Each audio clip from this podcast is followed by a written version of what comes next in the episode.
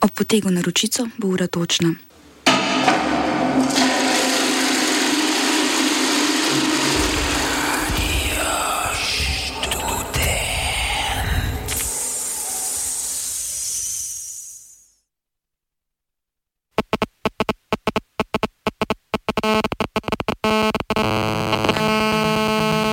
These kids have phones which are hundred thousand times more capable of the computers which we use it to use as kids, but they uh, take picture of cats. In sorte zatočišče, a ne za um, introvertnega gika, a ne. They wanted to call it Liberation Linux. They wanted to call it Revolution Linux. They wanted to call it El Che Linux. They wanted a penguin with a chevere as a logo and things like that. Tehnoklistir, oddaja, v kateri prečiščujemo vaše tehnološko drobovje. Vsak četrti torek ob 9. zvečer na hekerskih valovih Radia Student. I like to make things, not just blow up.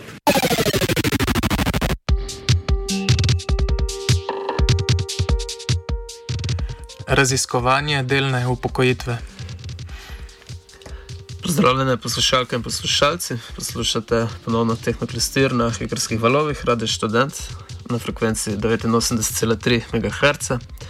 V današnji oddaji bomo gostili Sašo Ču, raziskovalko delne upokojitve in pa uporabnico urevalnika besedil IMEX ter pa članico skupnosti, ki je stkana okoli njega.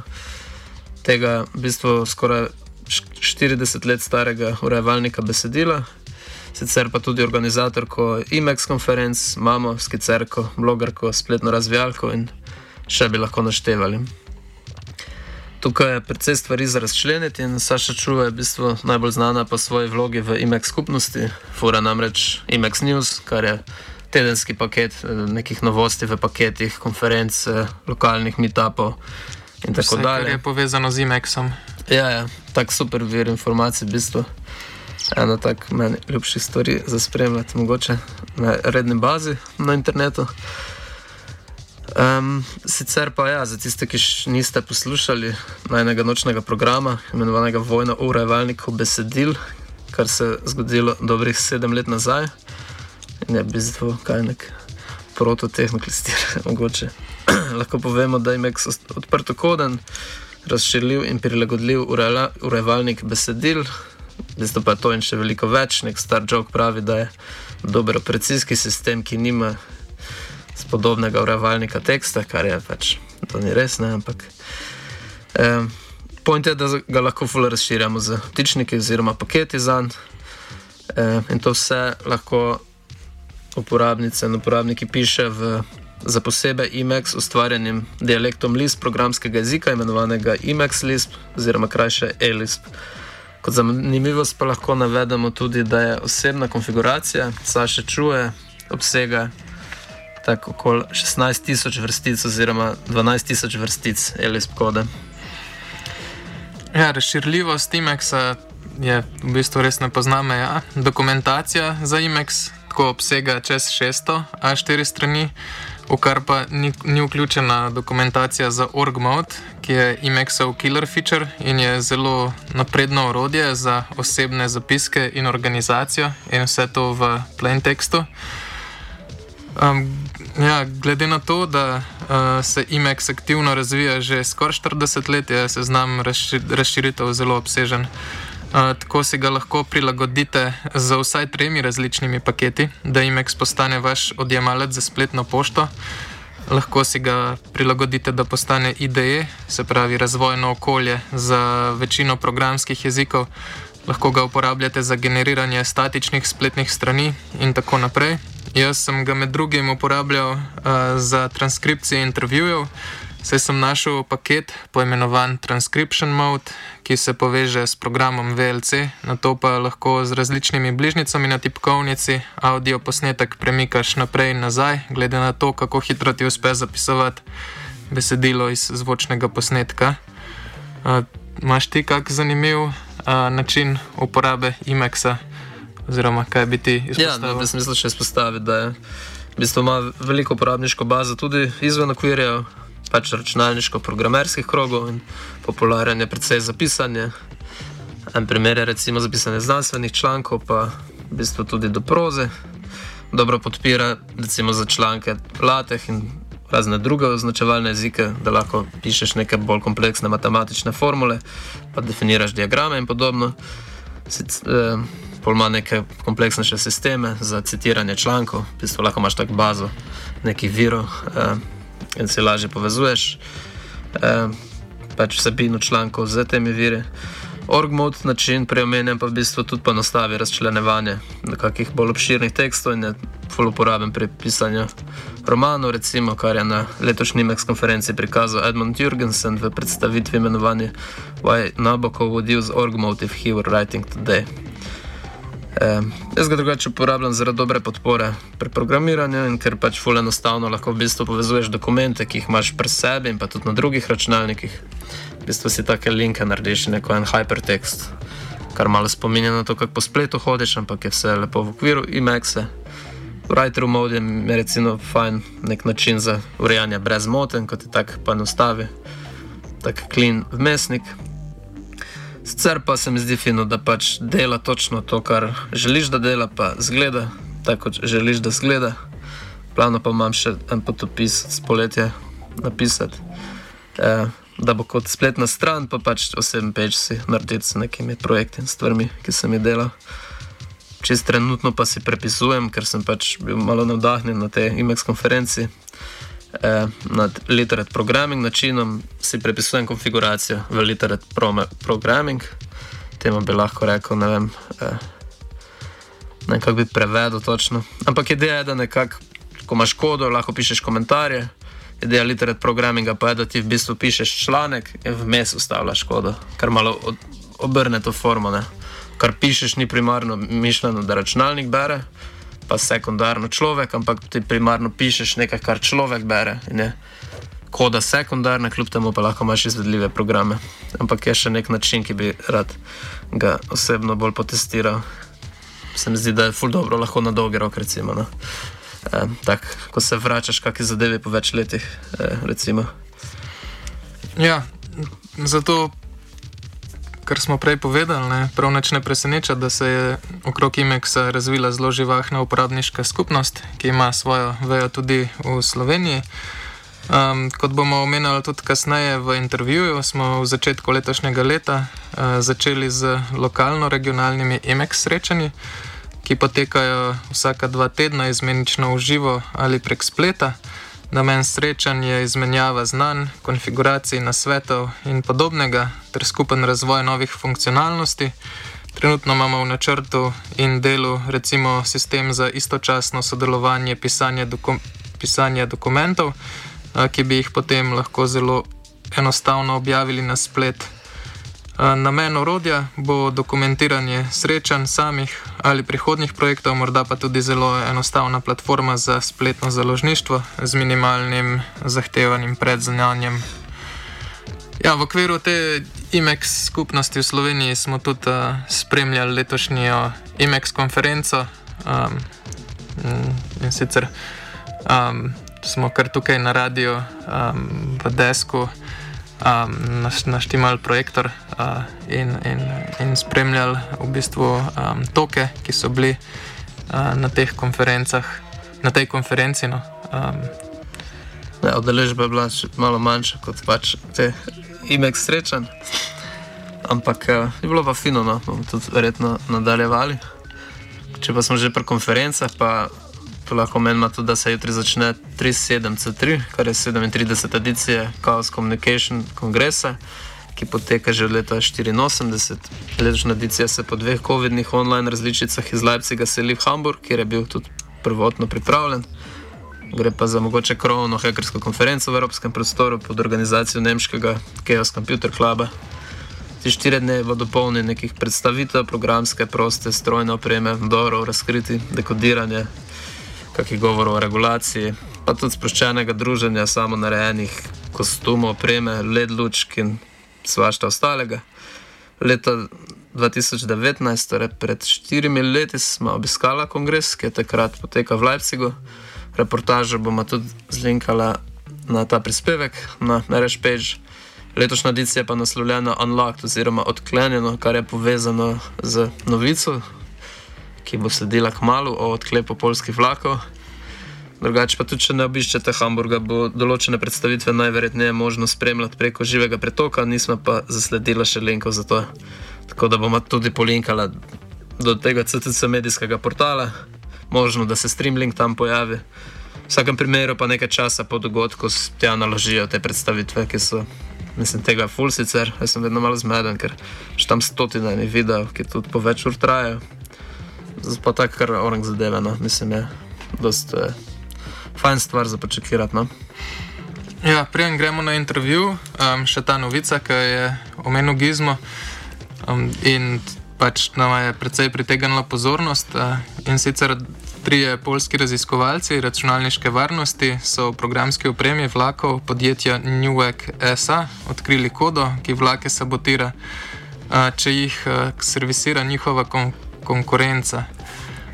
Pol v polskem podjetju Newek SA so ugotovitve odločno zavrnili, bodo pa preomenjeni polski raziskovalci svoje ugotovitve predstavili v močno pričakovani predstavitvi prav na tem uh, kaos, na, na kongresu Chaos uh, Computer Club.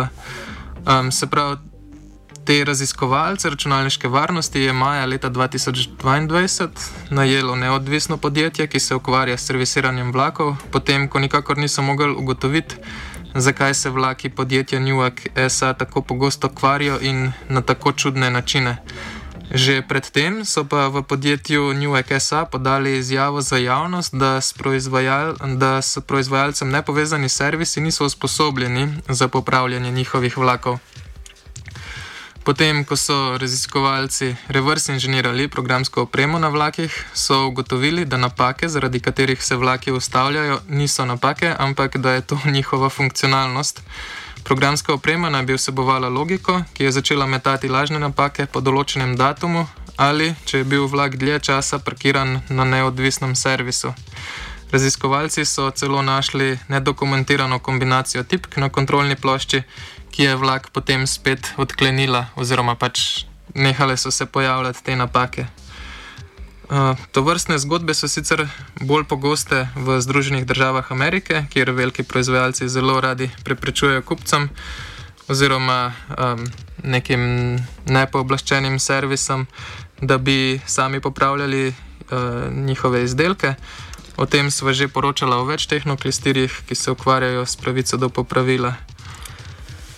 Ja, poleg uh, tega 373, pa še lahko povabim na Ovdem in Fozdem, ki bo ta, to smo že menjali v prejšnjih edicijah. To bo v začetku februarja, mislim, da je 3. 4. Ja, februar.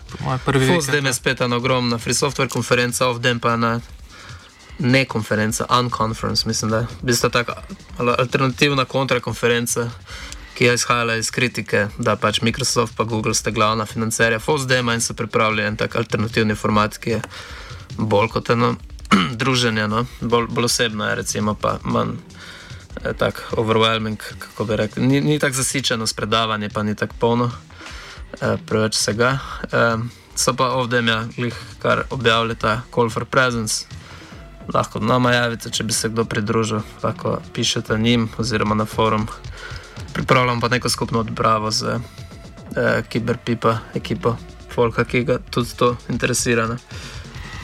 Ja, zdaj pa v bistvu se vrnemo uh, k današnjemu intervjuju, v katerem se bomo navezali tudi na nekaj nedavnih oddaj, ki so se ukvarjale uh, s feminizmom na področju informacijske tehnologije.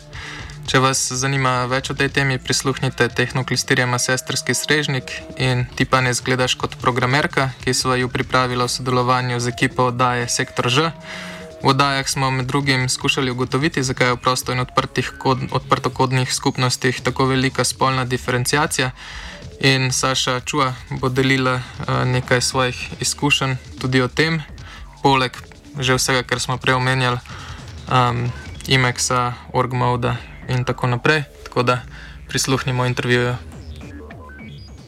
Just before the actual introduction question, I'm wondering whether you could give like a really quick intro of your interview setup because it's very impressive.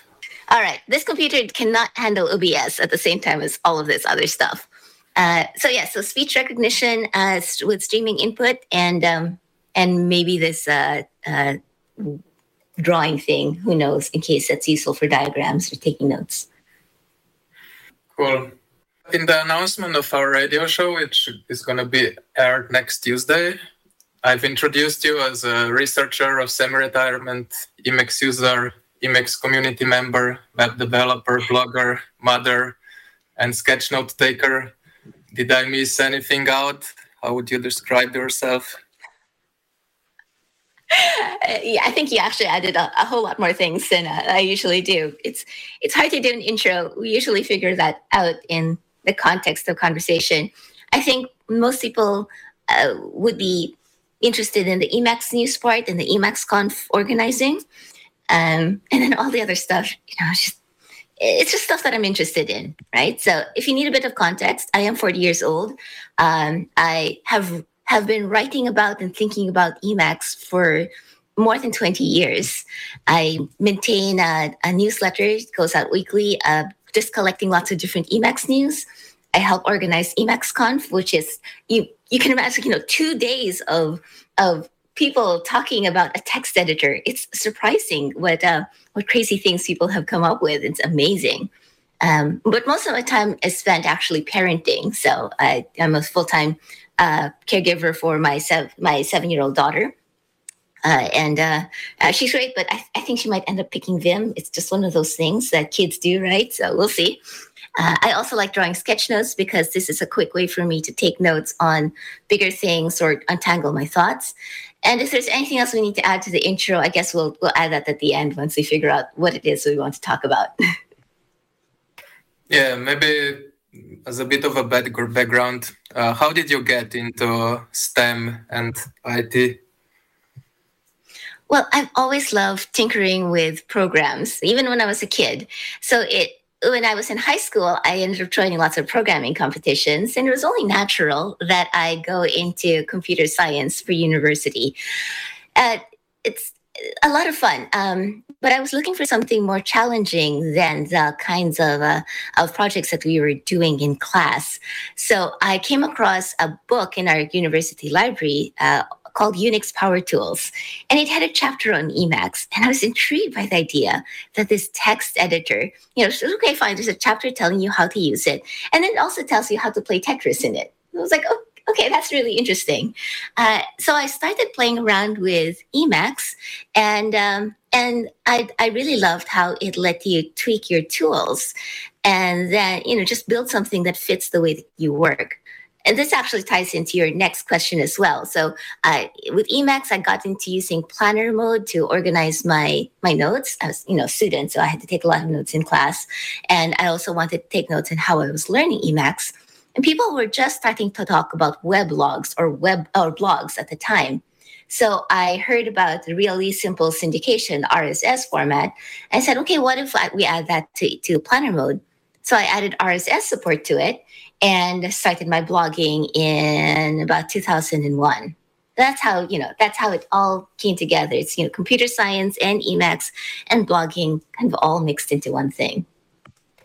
Yeah, maybe I'll just uh, quickly jump back to the university since um, we're researching um, the gender disparity in IT and open source. And yeah, I'm wondering what was the situation at the university.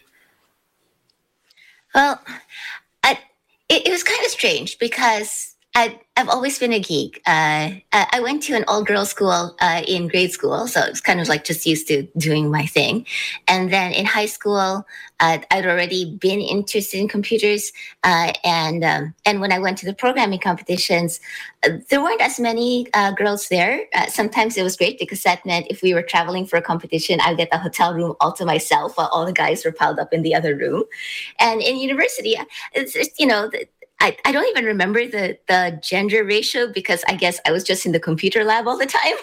So I was just like, well, you know, I just I just kept having fun with it. Nobody really told me, oh, that's a guy thing or whatever, because by then I was I was having so much fun coding that uh, that nobody tried to kind of do the we, we sometimes run into those uh, those situations with uh, competitive geekiness, but I was already doing the competitions, so it was not a problem for me. Cool. You said that you picked uh, Emacs uh, before blogging, and uh, yeah, maybe we we already kind of covered this um, already.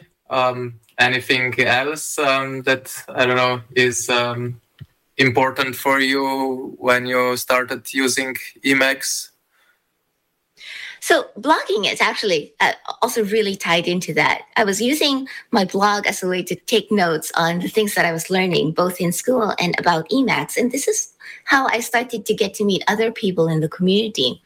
And I liked Planner Mode so much, I was modifying it to, to add these little things like RSS support that I, I emailed John Wiegley, who had written it, and I said, Hey, can I help out with any feature requests or tracking down bugs, you know, reproducing them or whatever? Because uh, I was looking for, for some way to help out. And he said, Would you like to maintain it? So I ended up maintaining this uh, this piece of software. I was, you know, still in university. I was talking to all these people around the world who were using Emacs to to build their own workflows for managing information, and it was great. They were very forgiving when I whenever I messed up, so that was much appreciated, and it showed me how people can really customize things and and what that was like. I wanted to study this for my master's research. So, uh, University of Toronto gave me a scholarship. I came to Canada. I ended up actually doing my research somewhere else because the researcher I had wanted to work with moved to a different university. But this, I, I've I've always been fascinated by the kinds of tools that people build for themselves. And I think going to your question about whether I would recommend Emacs to people. I think that is one of the amazing things about Emacs that I would I love it if more people explored that because you can use it to build something that works the way that your mind works. And uh, a lot of other programs, actually hardly anything else gives you give you that same gives you that same customizability. And that I think is is one of the key features of it. Okay, and uh, yeah, you're also uh, maintaining Emacs News. Can you maybe um, share how you started doing it and when yeah, so uh, Emacs News, uh, I cited that one in 2015 following uh, an idea from John Wiegley. So he was maintaining Emacs at the time. He says, "Hey, would you would you be interested in putting together a list of Emacs related links?" And I love reading about the different ways that people configure Emacs. I also speed read, which is a habit I picked up from reading through lots of books in bookstores as a kid. We didn't have public libraries in the Philippines. So I can speed read a whole lot of stuff.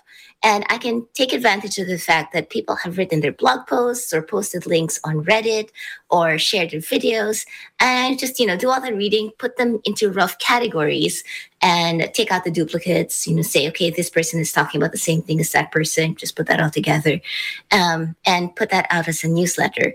And I've since then written a lot of code to support this, you know, things like take a look at the posts that I've, I've uh, upvoted on Reddit so that I can uh, I can just grab that list, get a list of the new packages. So there's a lot of code to support that. And what it comes down to is that this now actually just takes me maybe one to two hours a week to do, uh, which means uh, I can keep doing it even when I'm busy with life. I just you know five minutes here, ten minutes there, upvoting lots of posts when I'm when I have a spare moment, and it's it's something that lets me always appreciate how amazing and and um, and varied the uses of Emacs in the community are.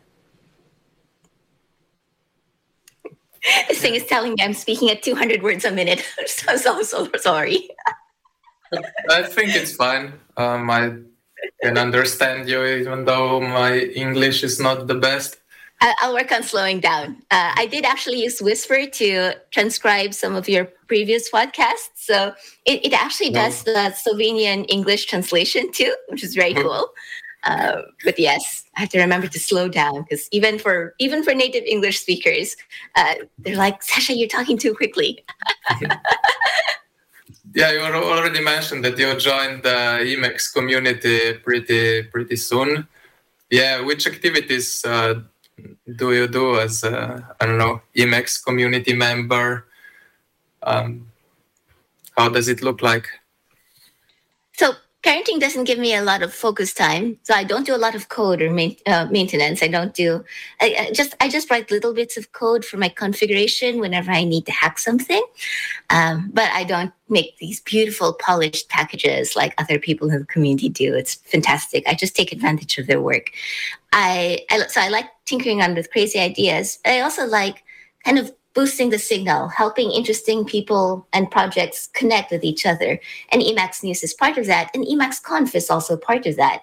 So in 2013, Alexander Simic said, hey, you know, would people like to get together for an Emacs conference in London?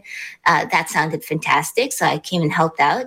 Uh, and then there were a bunch of other in person conferences that I didn't get to travel to. Uh, but in 2019, Amin Bandali uh, said, you know, we haven't done an Emacs Conf in a while. Can we do one again? And we did it as a virtual conference. And since then, I've just kept helping with that because, like Emacs News, it brings together interesting things in one place. This uh, this year's conference was the first one that like we organized uh, like um, watching it together on a projector.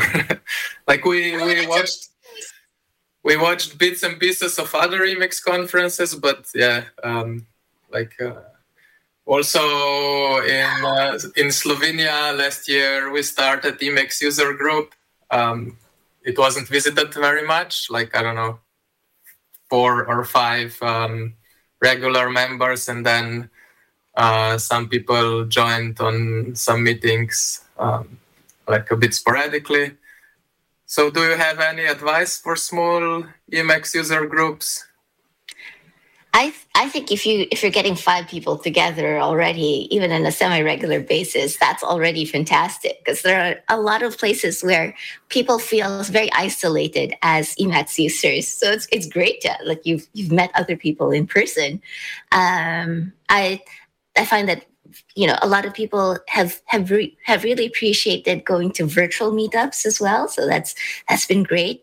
And i particularly like it when people share their notes from the con- the, the meetings right? So so uh, austin texas uh, the, there's a person who goes to the meetings there and writes lovely notes. Uh, Ihor's been been posting notes of org meetup and the notes let other people who are outside the meeting come across it and learn from it and maybe want to attend again someday. Or you can even go to the extent of posting videos from from the uh, from the the meetups like the way emacs new york used to do. Uh, and these are these are just great ways to keep building on what you're sharing so that other people can bump into it later on is there anything you'll remember this year's Emacs Conf for? Um, like, was there anything special to you? It's like you organized a lot of them. So last year was our first experiment with two tracks, and it happened because we got so many talks that we couldn't fit in one track anymore without, like, you know, really, really squeezing the Q and A. So we said, okay, two tracks, and we, uh, sorry, so 2002, right? So the other organizers were on board. We did all the work to get it onto two tracks, uh, and you know, they hosted it, and it was fantastic. And this year. Uh, we basically filled the two tracks to the brim also you know all the time I think we might have to go to three tracks next year if I want to squeeze in even more talks. So we'll just have to see if more people can volunteer for hosting or captions or other ways to uh, to help make it happen, because it, it's just the community keeps growing and growing. There are all sorts of interesting things that people are sharing. So that's my you know, that's my let's let's figure out how to. Oh, the other thing that I want to do for next year is I want to see if we can encourage more people for uh, for other events, like the way that you got together. You know, the the people in Switzerland told us about their event, so we got to we got to put a link to it.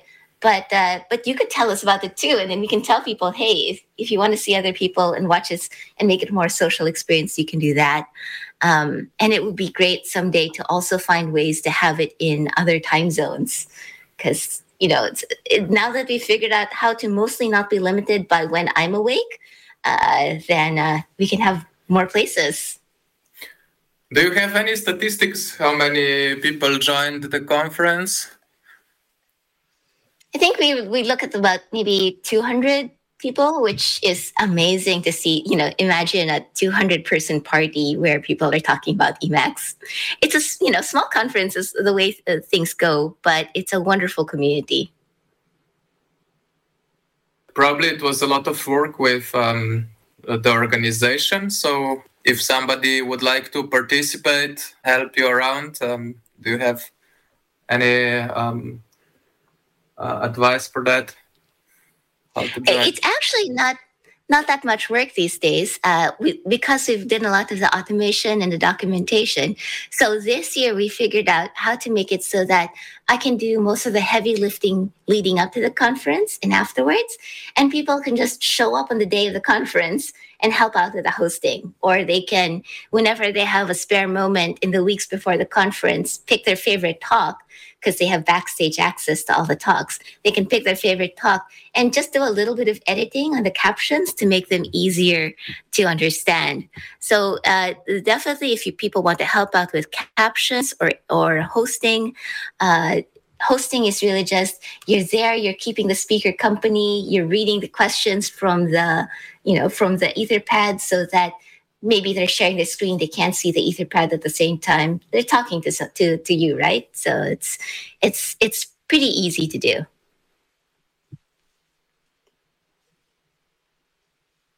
So yes send us an email at uh, emacsconf uh, dash discuss or actually dash org it's well emacsconf dash org at gnu.org and uh, we'll find something that fits what you want to do and what you want to learn. Since you're a long time member of Emacs community, like, do you see any fields where it would be nice to be improved a little bit? I think everyone's uh, everyone's doing a great job working on the little pieces that interest them. Uh, podcasts like yours are a great way to not only share the stories within the community, but to reach out to other communities as well and learn from them, or or uh, or share what we're learning with them. So I think part of that reaching out to other communities, you know, uh, the uh, if you've got a cool idea, you can demonstrate it, and you're demonstrating it not just to Emacs fans, but also people who are interested in that particular programming language or this setup, or things that are not programming whatsoever. I, I, I love referring to those examples of people using Emacs in law, or Emacs in teaching, or Emacs for knitting, or Emacs for running a sourdough bakery, uh, things like that, right? Just bringing it into all these different aspects of our lives now we'd like to focus a bit on other things that you do on your blog. We've we found out that you're uh, that you also do a lot of self tracking and live tracking. So we wonder how long have you been doing that, and um, what did you learn from it? Or did you adjust your habits after you got some uh, uh, good data about your yourself and your habits? So I, I track a lot of things because when I'm, you know, living day by day, it's hard to see patterns. Uh, I've I've tracked my finances ever since I came to Canada because I wanted to make sure that I could I could make decisions, I could afford things, and it's actually been very helpful in telling me that yes, I can spend money on this because it won't put oops timer going off. Uh, so because there's space for it, and I started tracking my time actually a little bit earlier than 2012, but 2012 is when I built my own system for tracking time, partly because of this idea of experimenting with semi-retirement. So I wanted to see, all right, uh, planning ahead, we thought, you know, parenting might be interesting. I could, I want, we wanted to learn a lot from it, but, uh, but we, you know, everybody knows parents don't have a lot of time. So I wanted to see before we got on this whole parenting journey, what I would do if I had no time constraints. What, what would I end up spending my time on? What could I, what could I make? What could I share? And so I built, I built this tracking system so that I could see where my time was actually going and fortunately I, I, built it early enough that i could actually capture some time also from my uh, from my work at ibm so i could see you know what my balance was in terms of business or sleep or whatever.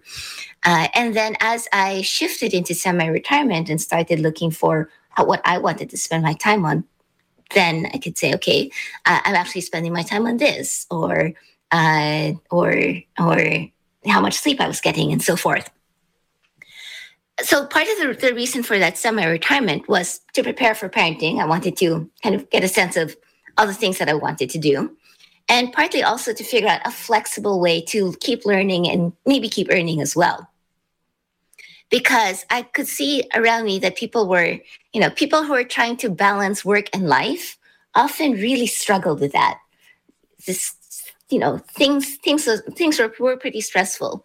So if I could find something that would fit better with parenting or whatever else we would, you know, ultimately get into, then that would make it easier for me later on. So one of those things turned out to be coding. So I found a consulting client, and um, and tracking my time was important because I bill them for the time that I spend in their projects. And part of that also turned out to be drawing because I can fit little drawings here and there and use those notes to go back to ideas or to untangle my thoughts. And that the time helped me see that yes, there is enough time for important things, even when uh, in 2016 my daughter was born, and of course my sleep went way down. You know, and like you know my my discretionary time and my focus time things all went way down, and and childcare became my you know biggest category but there was still time to do things like Emacs News, which I had been doing for a year at that point. And there was still time to tinker around with stuff. And there was still a little bit of time here and there to do some consulting.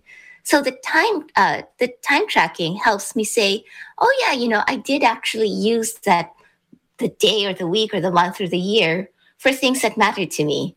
And in addition to that, I also have a journal. So I get the things that are not quantitative. I can, you know, I can go back and say, okay, this was the day that we did this, or, oh, remember that memory.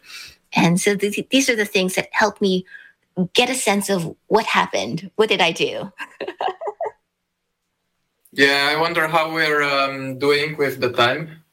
I'm, I'm still okay. The kiddo is uh-huh. still asleep. She will uh, she will let us know when she wakes uh, up. uh, okay, okay, cool. cool.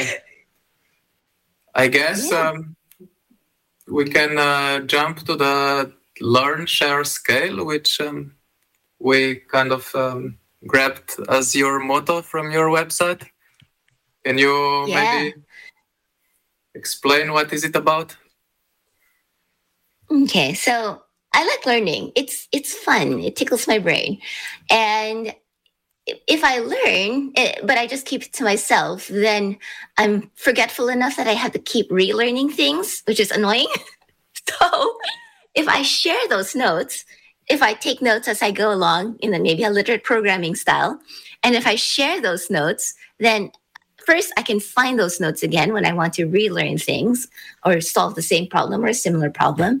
And second, if I share them with other people, then other people can learn the, from those notes even when I'm sleeping. So this is a this is part of scaling up, you know, making something pay off more from the little bit of work that you put into it. And there are ways to keep looking for ways to kind of just tweak that a little bit more so that it's easier for other people to find and learn from those notes. I wanted to see if I could say, uh, if I could just make it easier for me to have fun learning things, capture those notes, share them with other people, in a way that just lets us keep building and building on top of it. Lately, we've uh, also been uh, investigating the gender disparity in FLOSS communities. We are part of three such local communities from Ljubljana, Slovenia, which uh, have very few non male members. Do you have any gender related experience from uh, FLOSS communities you're a member of? Okay, so other people have thought a lot about diversity in in software development or FLOSS communities or whatever. And I, actually, over the last you know last while, I haven't had the time to to dig into it. So uh, all I all I can offer is kind of my data point, right? What what my experiences have been, and it's really strange because for the last seven years I've been focused on parenting. So I've actually been spending most of my time in these you know majority female spaces like uh, early years centers and libraries and uh, homeschooling groups and whatever.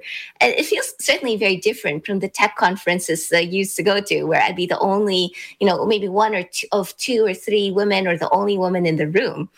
Uh, and uh, and so it's my I'm not even in that space anymore. Whenever, even when when I worked in IT, I tend to work in corporate environments where there were lots of women in on the team.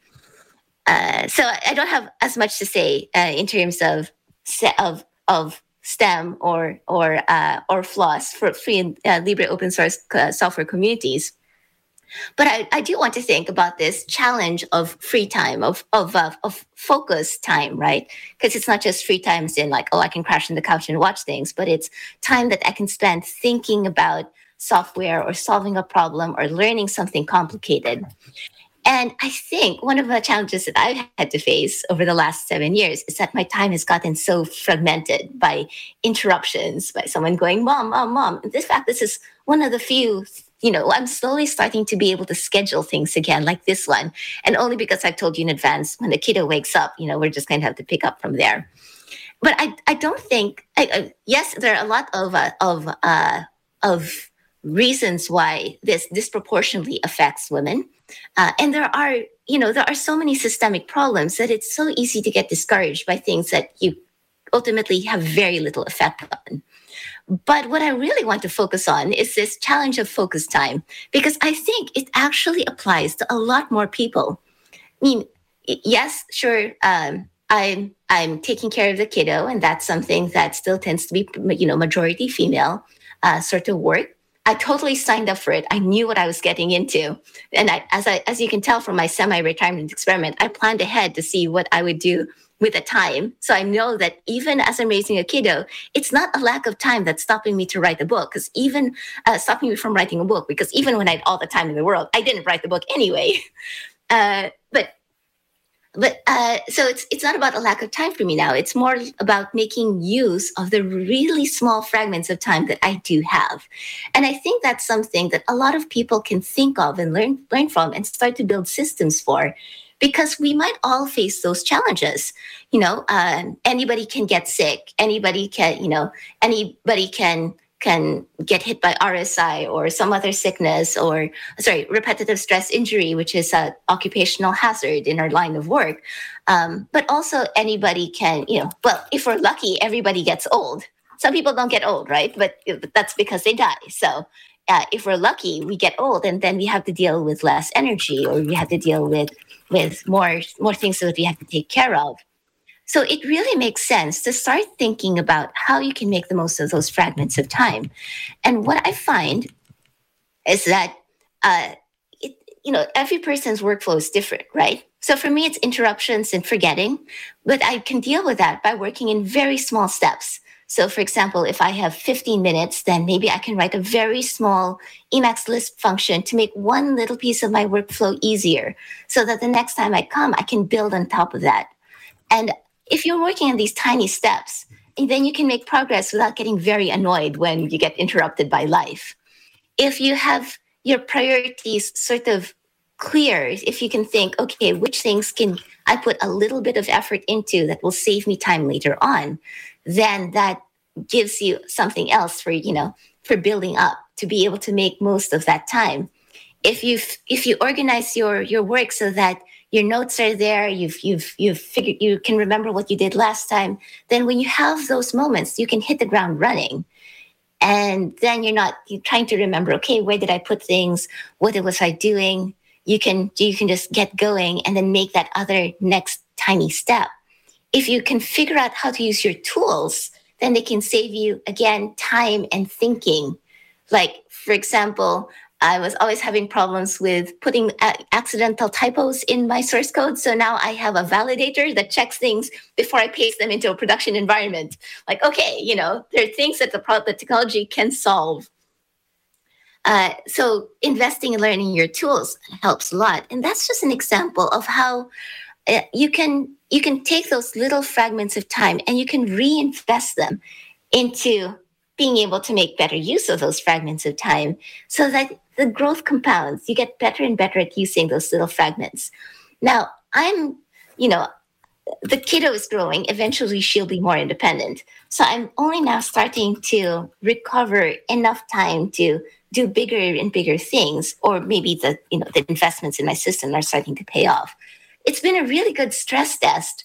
And I'm sure that these ideas and these techniques that I've been developing experience with will be really handy later on. So if, you know, if I can't use my hands or or I don't want to use them for long periods of time or I need to be doing other things, then I have these these processes that I can go back to.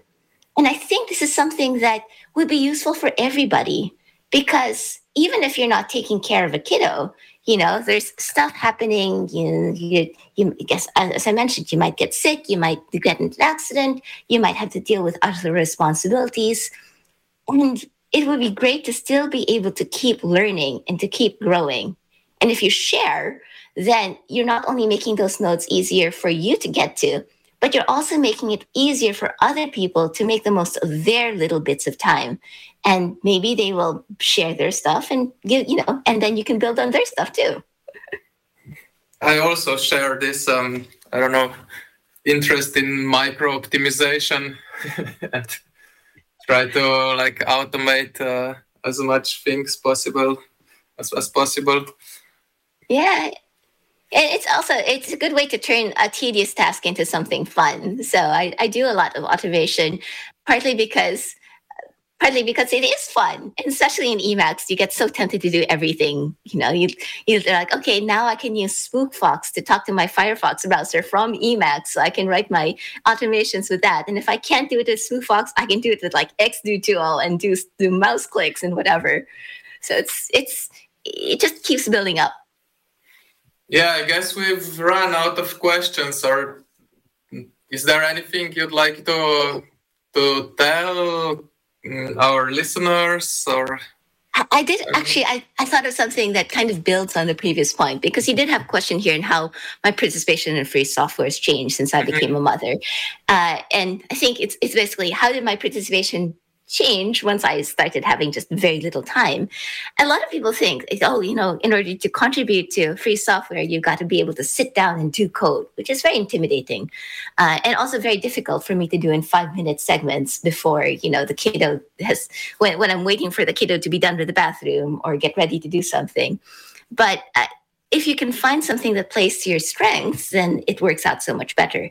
I mentioned how with Emacs News, it works with the fact that I like to speed read and just go through everything very quickly and organize it. And so that's a way for me to contribute that plays to my strengths and fits into the time constraints that I have. And other people can do something similar, whether it's, you know, look for something that can be that it makes sense to explain, you know, uh, you, you can't get a sense of some workflows if you're just looking at the code. So if you share a quick tip on how you use something, that's very useful to other people. They say, oh, so that's how it's, it's meant to be used. And it could be, it doesn't have to be a blog post. It could be a, a toot or a tweet. It could be, you know, a short video or whatever else. So there are all these little things that people can do that build up and that help you as well. Yeah, this probably also touches the user experience part of free software projects, which is usually like a bit underdeveloped, uh, at least comparing to more commercial software. Yeah, and I think that's that's one of the reasons why I'm so lucky that I got into Emacs back when I had a lot of free time to sink into learning it because now it's easy for me to find things that are kind of similar to what I want to tweak and I, I don't have to necessarily have everything polished because I can just rummage in the source code and get the things that I want. But if I were starting from scratch, even just having the time to think about it and learn the keyboard shortcuts or learn, you know, learn how to read the code for it might be a little hard to squeeze into five minutes here, 15 minutes there.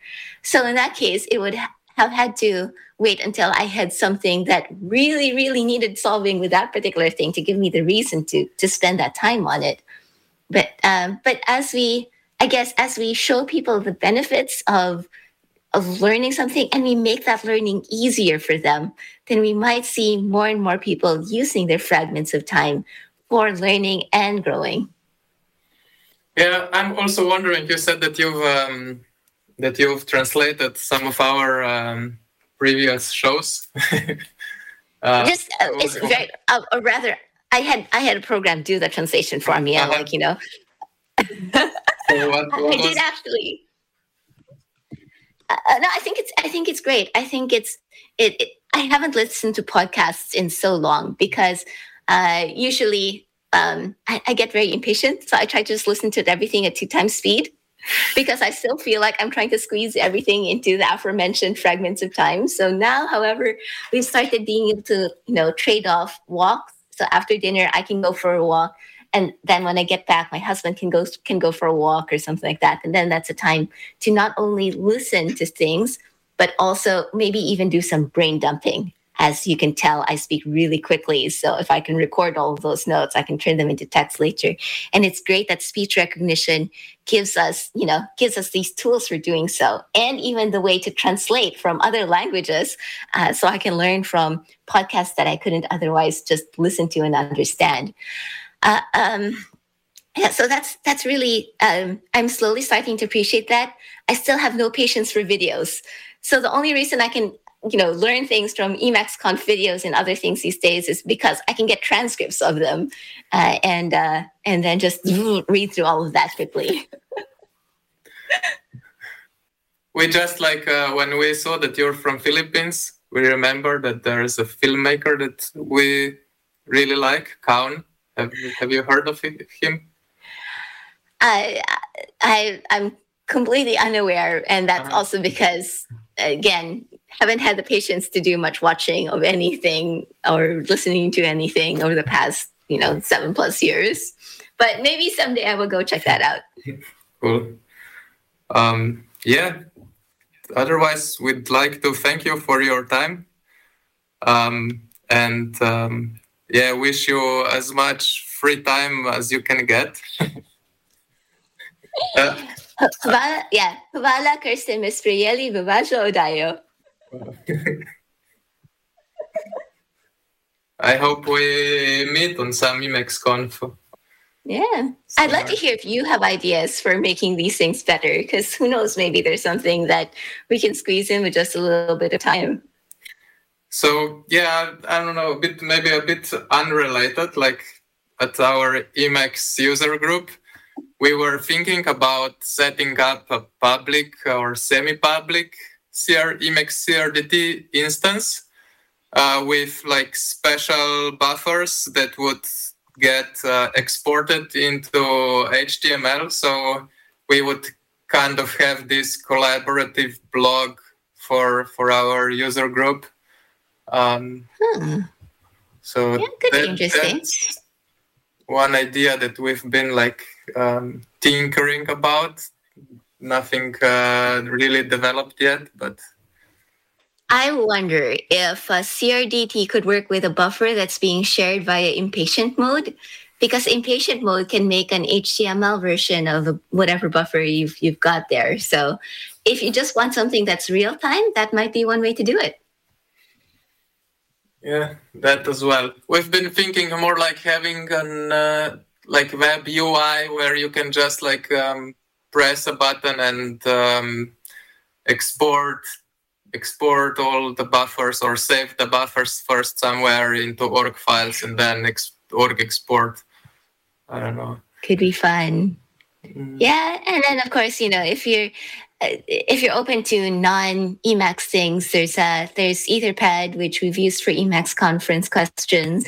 Uh, but CRDT is kind of fun, and uh, this thing that I'm experimenting with with that dumps my speech recognition output into the text file might be interesting too, especially if I can figure out the uh, the pulse audio wiring to get the audio, the combined audio in, into it. Then you can have like live transcripts. Who knows? Yeah, or maybe you can like uh, program it to recognize the, some special sounds as special characters and uh, like uh, have a speech directly to org mode uh, recognition. Oh, so this is this is actually something I've been experimenting with. I mentioned that I'm starting to be able to have more walking time, or when I'm on my bicycle, then you know sometimes nobody's talking to me, so I can have a recorder. Uh, so I got a lapel mic, so that I can keep my phone away in my pocket and not drop it, which would be nice. Um, I mean, not nice if I drop my phone, but anyway, I have a lapel mic and then I can record. And then I can use the, either the very rough transcripts that Google Recorder produces, or I can send it through whisper or some other thing to get a better transcript. And then I can use keywords like begin section, whatever, whatever, stop section. Uh, and then it, I have some code that pulls out those keywords and creates org headings automatically. And then it links to the transcript that has, so, so it links to the captions. So there's timestamps, and I can jump to the audio for that specific part of the recording. Uh, and I've, I've been using this to get more things out of my head and into text. Okay, so yeah, you already have it. it's really weird. Um, I, I've only just started experimenting with it uh, in the last week or two, and it's it's just interesting to see what kind of workflows you can come up with because all the pieces are there in Emacs, right? So there's there's a way to have a caption file with text and timestamps, and that's associated with a media file, whether audio or video. So that part's built. And then there are speech recognition APIs that I can call because I don't have processing enough processing power on my actual computer to do this, um, and I I don't have the brain space to upgrade, and it feels kind of wrong to upgrade to a powerful computer that will sit on the kitchen counter, you know, 99% of the time because I still only have bits of time.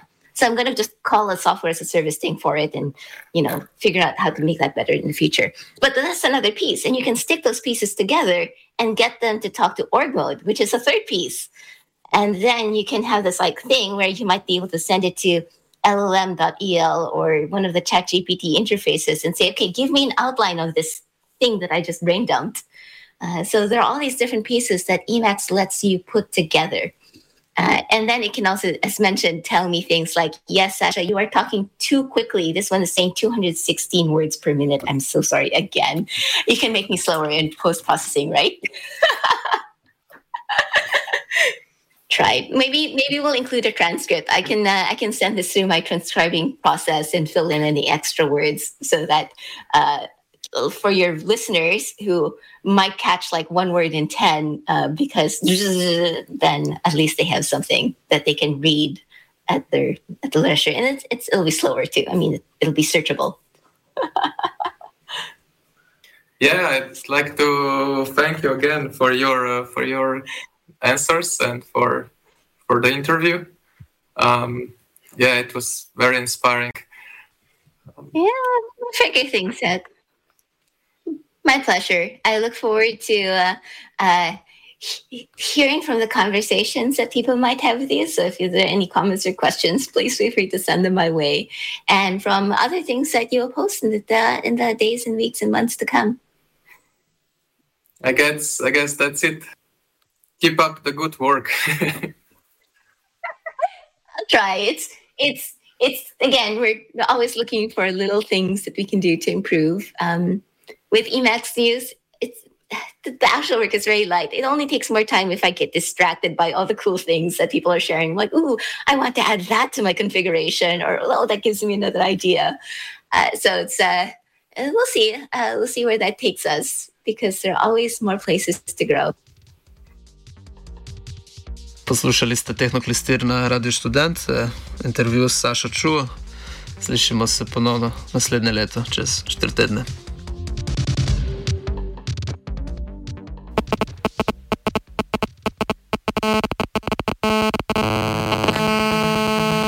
These kids have phones which are hundred thousand times more capable of the computers which we use it to use as kids, but they uh, take picture of cats. In sorte zatočišče, a ne z um, introvertnega geeka, a ne. They wanted to call it Liberation Linux. They wanted to call it Revolution Linux. They wanted to call it Che Linux. They wanted a penguin with a Chevere as a logo and things like that. Tehnoklistir. Oddaja, v kateri prečiščujemo vaše tehnološko drobovje. Vsak četrti torek ob 9. zvečer na hekerskih valovih Radia Student. I like to make things, not just blow up.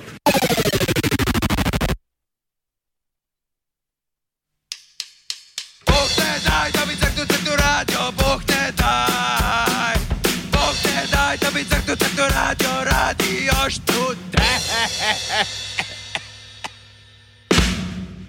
Ej, modeli, a bodanski, a bodanski je metala tle.